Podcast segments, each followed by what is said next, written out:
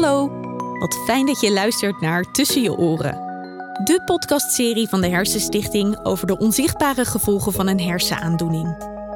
De processen die zich in je hersenen en dus letterlijk tussen je oren afspelen, zijn voor anderen vaak niet zichtbaar en daarom soms moeilijk te begrijpen. Maar dat je het niet kunt zien, betekent niet dat het er niet is. Ik ben Annemiek en als trotse ambassadeur van de Hersenstichting ga ik in iedere aflevering met iemand in gesprek die ons iets kan vertellen over de onzichtbare gevolgen van een hersenaandoening. Wat gebeurt er in je hersenen? En wat voor een invloed hebben deze gevolgen op je functioneren? Dit mag dan wel letterlijk tussen je oren plaatsvinden, maar zit zeker niet figuurlijk tussen je oren. Vandaag zit ik tegenover Vigo Waas. Zeker. Voor sommige mensen gaat er dan meteen een belletje rinkelen. Maar voor de mensen bij wie dat niet is, Vigo, kun je mij vertellen wie jij bent? Ik ben Fico Waas. Ik ben cabaretier, acteur. Ik schrijf boeken. En ik, eh, ja, ik ben 60, 60 jaar. En ik heb vorig jaar 29 maart een herseninfarct gekregen. Ik kan me voorstellen, want ik wilde nu natuurlijk de vraag gaan Ja. stellen van wat betekenen je hersenen voor je? Ja, ja, ja. Maar dat dat sindsdien wel een beetje anders is of niet? Ehm, ja, ja. Het is, eh, het is, ehm, je, beseft je meer dat je, dat je ook dat deel van je lichaam, dat je nogal kwetsbaar bent. Dus niet alleen, eh, ik, ik heb hem meestal eh, bezig gehouden met de onderkant. Dus vanaf mijn hoofd naar beneden.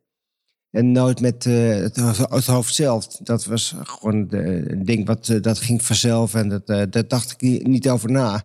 Maar nu is dat anders. Nu is mijn hoofd erbij gekomen. Dus Daar moet je ook het- extra voor zorgen. ja, ik heel persoon geworden. Nee, ja, het is, het is, het is gek.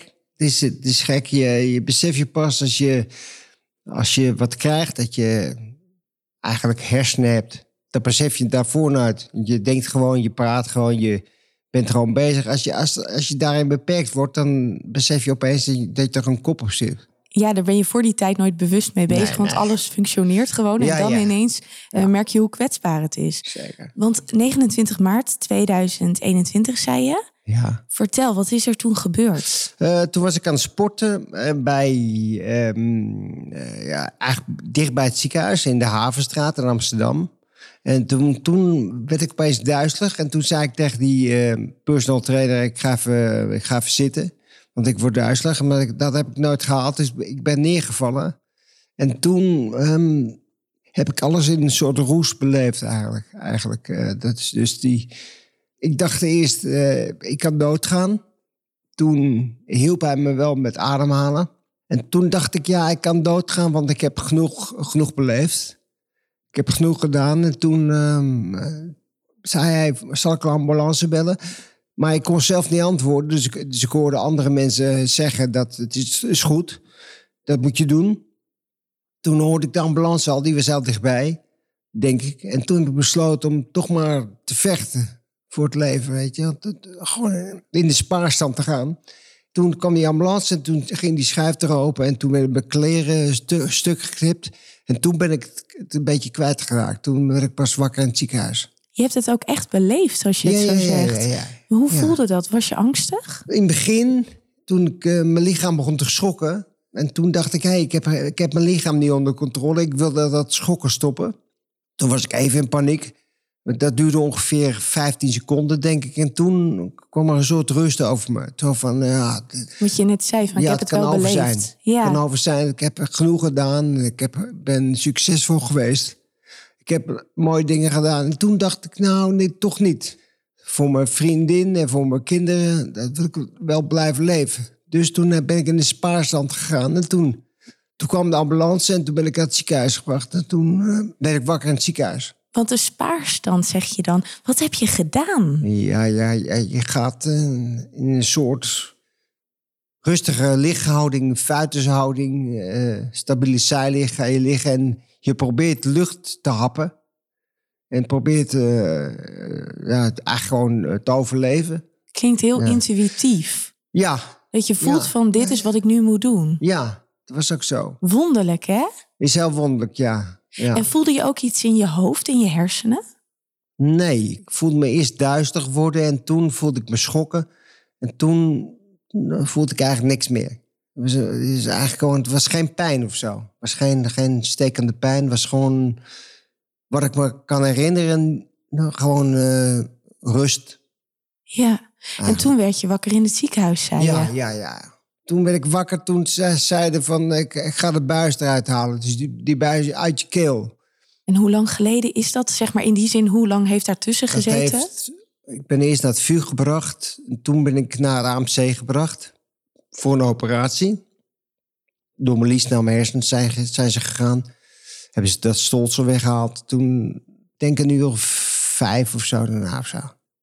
Dus een uur of vijf na de gebeurtenis, na de hersen, herseninfarct, ben ik wakker geworden. En toen hoorde ik, eh, we gaan de buis uit je keel halen. Dat is Dus het toen- allereerste wat je ja, hoorde. Ja, ja. En Ik weet je nog wat dat, je dat- toen dat, dacht? Dat er mensen op mijn bed zaten. Dus mijn, mijn vriendin, mijn beste vriend, mijn personal trainer en mijn broer, die waren erbij. En toen, toen dacht ik, ja, ik hoorde die, die stemmen, hoorde ik. Dus ik, ik dacht, ik ben er nog. En die herkende je ook meteen. Ja. Als je dan hoort, we gaan die buis uit je keel halen. Kan je dat dan meteen Ja, plaatsen? ik wist wel dat er, dat ik wat had ge, dat er was wat gebeurd. Dat dus ik, ik wist nog duidelijk de gevolgtrekkingen van eh, het ongeluk. Dat was, stond je wel echt Ja, meteen bij. ja. Want wat was het moment waarop jij je ging realiseren wat er gebeurd was? Weet je dat nog?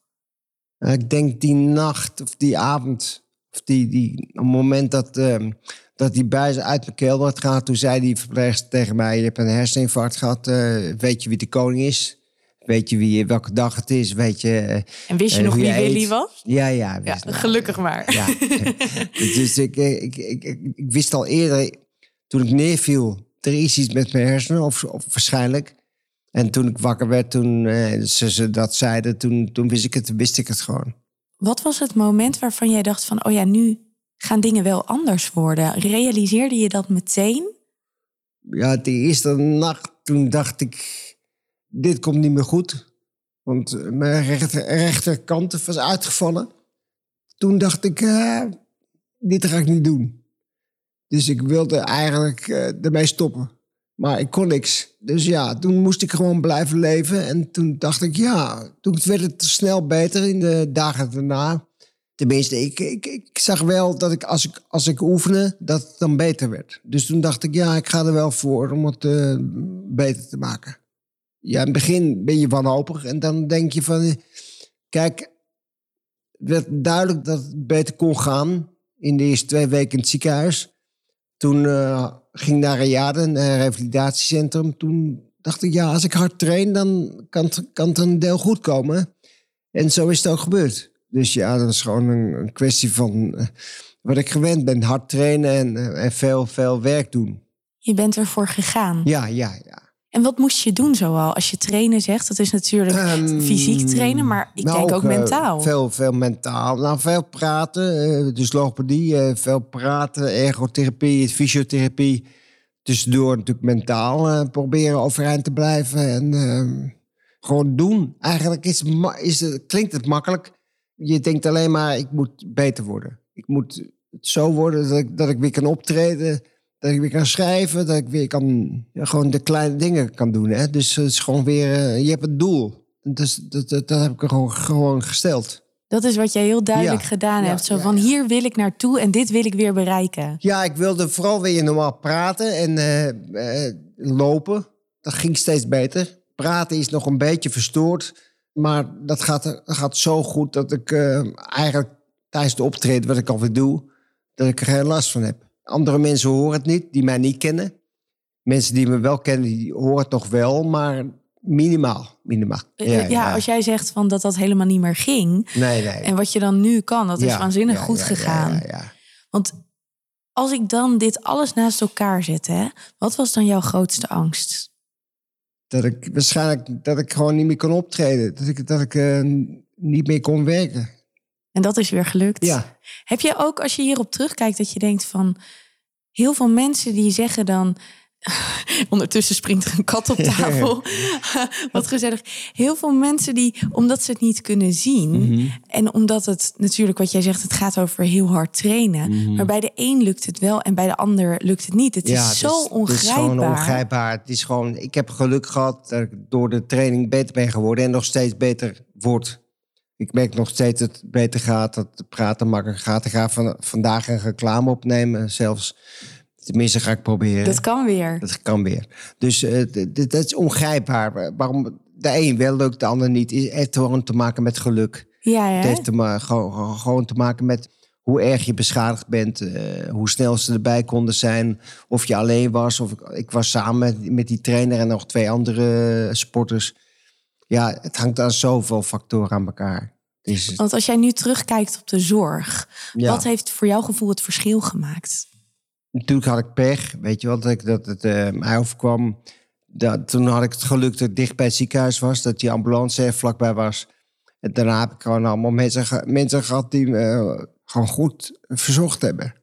Mooi hè, dat, dat, Ja. eh, dat er mensen zijn die dat gewoon kunnen en die je dan Ja. van dat moment weer helemaal terug kunnen Mhm. halen naar de man die nu tegenover mij Ja. zit. Ja. Ja, zeker. Zijn er op het moment nog, want je bent nu dus nou nog geen anderhalf jaar verder. Mhm. Het is een wereld van verschil. Als je kijkt naar wat jij net beschreef en wat ik net zeg, wie er weer tegenover mij zit. Ja. Heb jij nog steeds last van gevolgen? Jawel, ik heb nog eh, minimale, vind ik, praatstoornissen. Dus ik voel me mijn mond, voel ik het nog anders dan normaal. Dus dat is, er zijn stoornissen die, die ik heb. Die blijven misschien, of, of die gaan misschien heel langzaam weg, dat weet ik niet. Van het begin was ik heel moe. Nu ben ik eigenlijk, ja, gaat het goed. Andere mensen zijn net zo moe als ik. Die die eh, voorstelling doen, die ik nu speel. Ja, Ik kom net uit een theatertour. ja. En Ja. ik speel dan zelf niet, ik werk achter de schermen. Ja. Maar ja, dat is heel intensief. Het is zeker. vijf keer per week nu zelfs. eh, we gaan nu in de Lamar optreden. Het is vermoeiend, maar niet meer als anders. Nee, net Dus- zo goed als voor, Ja, dat, ja, ja, voor ja, ja. 29 eh, dat maart. lijkt wel zo te zijn. Ja, ik kan niet helemaal inschatten over natuurlijk die twee dingen. Wat ouderdom is, wat, eh, wat, wat hersenbeschadiging is. Zijn er dingen waarvan jij zegt van nou, dat is wel voor mij echt anders sinds Ja. 29 maart? Sowieso moet ik gewoon... In het begin moest ik gewoon echt niet zoveel dingen tegelijk doen. Weet je, moest ik gewoon... eh, doe ik nog steeds, ik doe één ding, tegelijk. Voor het infarct deed ik acht dingen tegelijk of tien dingen tegelijk. Ik deed zoveel dingen. Kijk, nu vandaag eh, heb ik jou afgesproken. Dan ga ik nog een reclamestem opnemen. En ik ga nog naar, naar een eh, bijeenkomst. Dus dat is wel veel. Maar... ik wil zeggen, het is best een drukke dag. Ja, maar ja. Dat, dat probeer ik uit te leggen ook aan, aan mijn vriendin. Dat ik voel me er goed bij. Dus ik voel het niet als een, eh, als, als een eh, over, eh, dat het overreactie geeft of zo. positieve prikkels. ja, ja, ja. want ik kan me voorstellen dat als we het dan over prikkels hebben, dat dat ook nu heel belangrijk is. Dat jij juist die positieve prikkels krijgt die jou weer energie geven om dingen te doen. Ik heb juist, juist weer kunnen spelen, weer kunnen eh, functioneren. Weer, dat, dat geeft me juist weer een, eh, een zelfvertrouwen. nu. En jij had het al over je vriendin. Ja. Hoe heeft jouw omgeving hierop gereageerd? Nou, ze zijn er erg voorzichtig met me vooral. Tenminste, vooral mijn vriendin, wat te begrijpen valt. Want in het begin was het niks. Dus eh, ze behoedt me voor, voor te veel doen. en dus- ergens ook heel lief. Hè? Tuurlijk, Ze is heel lief, ze- dat is ook goed. Weet je, want dat is, dat is begrijpelijk. Maar soms is er een eh, overreactie van te voorzichtig willen zijn. Ga nou slapen, weet je wel. Ga nou dit, ga nou, ga nou rusten. Terwijl, natuurlijk is het, dat is goed, want dat is goed voor je kop ook. Soms is, is het wel iets te veel, weet je. Dan denk je, ja, het gaat goed, weet je wel. Maar het is wel begrijpelijk hoe zoiets gaat. Gaat het dan ook echt goed? Of heb jij ook zoiets dat je nu denkt van... ik kan het weer, dus ik wil het ook weer? Nou, ja, ik kan het weer. En ik- wat ik voor, voor, het, eh, voor het infarct deed, te veel werken, dat wil ik niet meer. Ik wil niet meer eh, zo verdeeld zijn als ik was. Zo, zo tv en eh, radio en, en spelen en schrijven. Dat is, dat is gewoon te veel. Want je, als je te veel dingen doet, dan doe je alles maar een beetje, vind ik. Ja, en dan Ben ben je niet achter? overal Nee. helemaal bij. Nee. Dat Dus- herken ik wel, ja. Dus nu Ja. doe ik één ding heel goed. Ik doe nog een paar kleine dingen. Ik geef les op de ALO. Weet je wel, ik, eh, dat, is, is gewoon, dat zijn gewoon dingen die, die ik wel kan doen. Ja. Maar niet te veel werk en tv en optreden en radio. Dat is gewoon te veel. Grappig, want soms heb je, als ik bijvoorbeeld naar mezelf kijk, dat ik op momenten dat het goed met mij gaat, heel erg wil bijna overcompenseren. Dat ik denk, nu kan ik het, dus nu ga ik. Maar het klinkt Ja. juist alsof jij rustiger aan bent gaan doen Ja, en heel erg je momenten neemt waarop het lukt. Ja, omdat dat ik voor het infarct ook, ook te druk was. Ja. Ik was gewoon eh, zo, met zoveel dingen bezig dat ik... eh, weet je wel, dan moet je je agenda, moet je, je vergeet je dingen. Of, of je bent net op, net op tijd om dingen af te zeggen of eh, om dingen te doen. Weet je wel, elk uurtje ben je bezig en dat is gewoon niet goed. Je bent goed. echt wat op de rem gaan staan Ja, ja, zeker. en beter zeker. voor jezelf daarin ja, gaan ja, ja, zorgen. ja. Dat is Waarschijnlijk echt is dat, is vanwege... dat ook nodig hoor, maar, maar het is ook, ook beter voor mij. Zeker, voor iedereen denk voor ik. iedereen, ja. Ik had het net dan ook al heel even over je omgeving. Je zei dat ze heel lief voor je zijn, dat Mhm. eh, vooral je vriendin heel goed op je let. Heb jij ook met onbegrip te maken gehad? Nog niet. Ik merk dat, als ik... eh, nee, nee. Juist als ik... eh, ik heb zo'n voetbalclubje, weet je wel... eh, Mhm. waarmee ik rondo doe met Jacques Zwart. Die houden zelfs te veel rekening met me. Die, die zeggen, "Hè, je hoeft niet in het midden. Weet je wel, als ik een bal verspeel, dan, dan, dan hoef ik niet meer in het midden. Dan hoef je niet te lummel te zijn, weet je wel. dus soms denk ik, zeg, zeg ik, laat me dan maar. Dan, ik ga gewoon in het midden. De, dus ik heb niet meegemaakt dat mensen te, te overreageren erop. Op- Zijn er dingen die jij zelf geleerd hebt? Dat je denkt van, goh, ik keek hier toch echt Nou heel ja, anders eh, naar. sowieso kijk je anders naar het leven. Want eh, de dood is zo dichtbij geweest dat je... In het begin denk je, eh, wat zal- ik me nog druk maken om dingen, weet je wel? En nou is het zelfs wel fijn om, om weer druk te maken over dingen. Dat je denkt, niet te veel. Want eh, je denkt, ik denk vaker, ah, zo belangrijk is dit niet. Maar Waar maken, maken mensen zich druk om? Dat is nou wel eenmaal het leven en zo gaat dat. En, eh, Dan ben je de broccoli toch gewoon vergeten. Ja, precies. Dat, dat, dat maakt mij helemaal niet meer druk om dat soort dingen. Daar kan je niet meer mee zitten. Nee, nee. Maar als je kijkt naar, ik weet niet of het zo was, want misschien heb jij ook wel mensen in je omgeving eerder gehad die iets vergelijkbaars hebben meegemaakt. maar wat niet. heb jij? Nee, want Nee. wat, heb jij dingen geleerd over je hersenen, misschien ook over. Nou, Nou, wat ik heb geleerd ja. is dat ook je hersenen zijn plastisch. Dus dat leervermogen, dat zit, er- zit er gewoon. Voor sommige mensen zal het eh, moeilijk zijn, maar het kan zich over, over de jaren heen wel herstellen. Tenminste, niet helemaal, maar kan zich wel herstellen. Dus het van de hersenen is, is vrij groot. Kijk, het is niet eh, alsof je een gebroken arm hebt of een gebroken been. Begin gaat het snel, daarna gaat het gewoon langzaam proberen de hersenen weer dingen op te lossen. Dat merk je wel. Dus ik merk heel langzaam dat bijvoorbeeld met, met, met mijn spraak, dat het gewoon eh, heel langzaam gaat, maar wel vooruit. Dus heel langzaam komen die spiertjes weer, gaan weer samenwerken. Dat, dat merk ik wel. Dus als je maar verschillende dingen doet, veel dubbeltaken, veel, veel denken, veel misschien wel puzzelen of eh, weet ik veel wat voor dingen. Als je, als je veel verschillende dingen doet, dat maakt je beter. Dat merk ik wel. Ik vind dat ik een heel optimistisch iemand tegenover me heb zitten. Ja. Iemand die Ja. ja, heel diep Ja, gegaan is en die inderdaad de dood in de ogen gekeken heeft, maar nu ook echt eh, daar heel wijs mee omgaat. Nou, ik weet niet of het wijs is, maar het is, het is gewoon. eh, ik ben een andere figuur geworden. Andere persoon, ja. ja. Het leven dat is gewoon anders geworden. Weet je wel, ik ben, ben gewoon op een andere manier gaan leven. Niet omdat het moest, maar omdat ik, dat ik het wil. Dat is iets anders. Er zijn mensen die moeten dingen veranderen omdat het moet, weet je wel. Omdat het gewoon, ze hebben pech. Ze hebben gewoon zoveel schade dat, dat, dat, dat, dat ze gewoon niet anders kunnen. En ik kan de dingen doen, maar ik kan eh, besluiten om dingen niet te doen. Dat kan ik zelf besluiten. Toch heb jij ook behoorlijk wat schade moeten Ja. eerst krijgen voordat Ja, je dat ja, kon beslissen. Ja, ja, ja. Het is een, eh, een, een ingrijpende gebeurtenis in je leven. Je vertelde dat je nu ook een boek geschreven hebt Ja, dat in ja. september uitkomt. ja. Vertel. Nou ja, ik heb gewoon vanaf moment één ben ik dingen gaan opslaan. Eerst in mijn hoofd, want ik kon niet schrijven, nog, nog, nog niet eh, typen. En toen ik kon typen, toen eh, een beetje kon typen, toen ben ik... eh, ik heb wel dingen, notities gemaakt. Dus gewoon geprobeerd om dingen te, te onthouden. En toen ben ik gaan schrijven, ehm, ongeveer vier, vijf maanden na het gebeuren. En toen, toen heb ik gewoon vanaf moment één dingen opgeschreven. eh, Medepatiënten, de gebeurtenis zelf, de, de gedachten, de vooruitgang, de trainingen, de eh, therapeuten beschreven. Hopelijk met een beetje humor. En dat gebundeld. En, eh, en tegelijkertijd heeft mijn vriend, mijn beste vriend Peter Heerschop...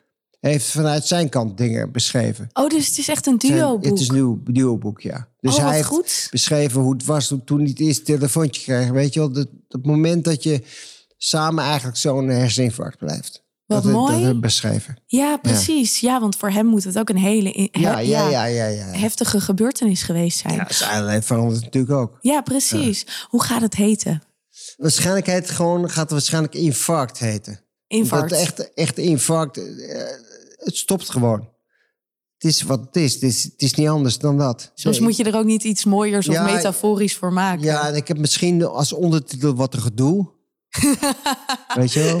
Dat Ja, gewoon, precies. Oh, die vind ik wel echt heel Ja. mooi, want dat is ook gewoon wat het is. Ja. toch? Ja, Dan maak je ook niet mooier. Kijk, wij hebben voor onze podcastserie een hele mooie metafoor tussen je oren. wat een gedoe. Maar je kunt ook gewoon wat een gedoe noemen. Zo is het wel. Zo is het wel. Nou, laten we nog even naar die laatste metafoor dan gaan. Tussen je oren. Wat zou jij zeggen tegen mensen die tegen jou zeggen... ach joh, dat zit toch allemaal tussen je oren? Eh, ja, die mensen die, die begrijpen echt niet wat, eh, wat er met je gebeurt als je, als je zoiets krijgt. Als je opeens je leven stilstaat en opeens je, als je een infarct krijgt, staat het leven gewoon stil. Het eindigt meestal, eh, helaas, en soms staat het stil, soms ben je gewoon geraakt en ben je gewoon gewond. En dan probeer je terug te komen en eh, tegen die mensen zou ik zeggen, toon een beetje begrip voor, voor mensen die... last hebben van een niet aangeboren hersenafwijking. En eh, ook voor mensen met een aangeboren hersenafwijking trouwens. Maar sta een beetje stil en heb clementie met die mensen en help ze. Is echt belangrijk. Een beetje hulp. Dankjewel, Vigo. Oké. Bedankt voor het luisteren naar deze aflevering van Tussen je oren. De Hersenstichting investeert in hersenonderzoek, geeft voorlichting en zet zich in voor betere patiëntenzorg, revalidatie en participatie. Jij kunt ons hierbij helpen door te doneren, maar ook door deze podcast te delen. Vond je de aflevering interessant of herkenbaar? Laat het ons weten via social media met de hashtag Hersenstichting. Geen aflevering missen? Abonneer je dan in je favoriete podcast-app. Wil je meer weten over de onzichtbare gevolgen van een hersenaandoening? Ga dan naar hersenstichting.nl/gevolgen.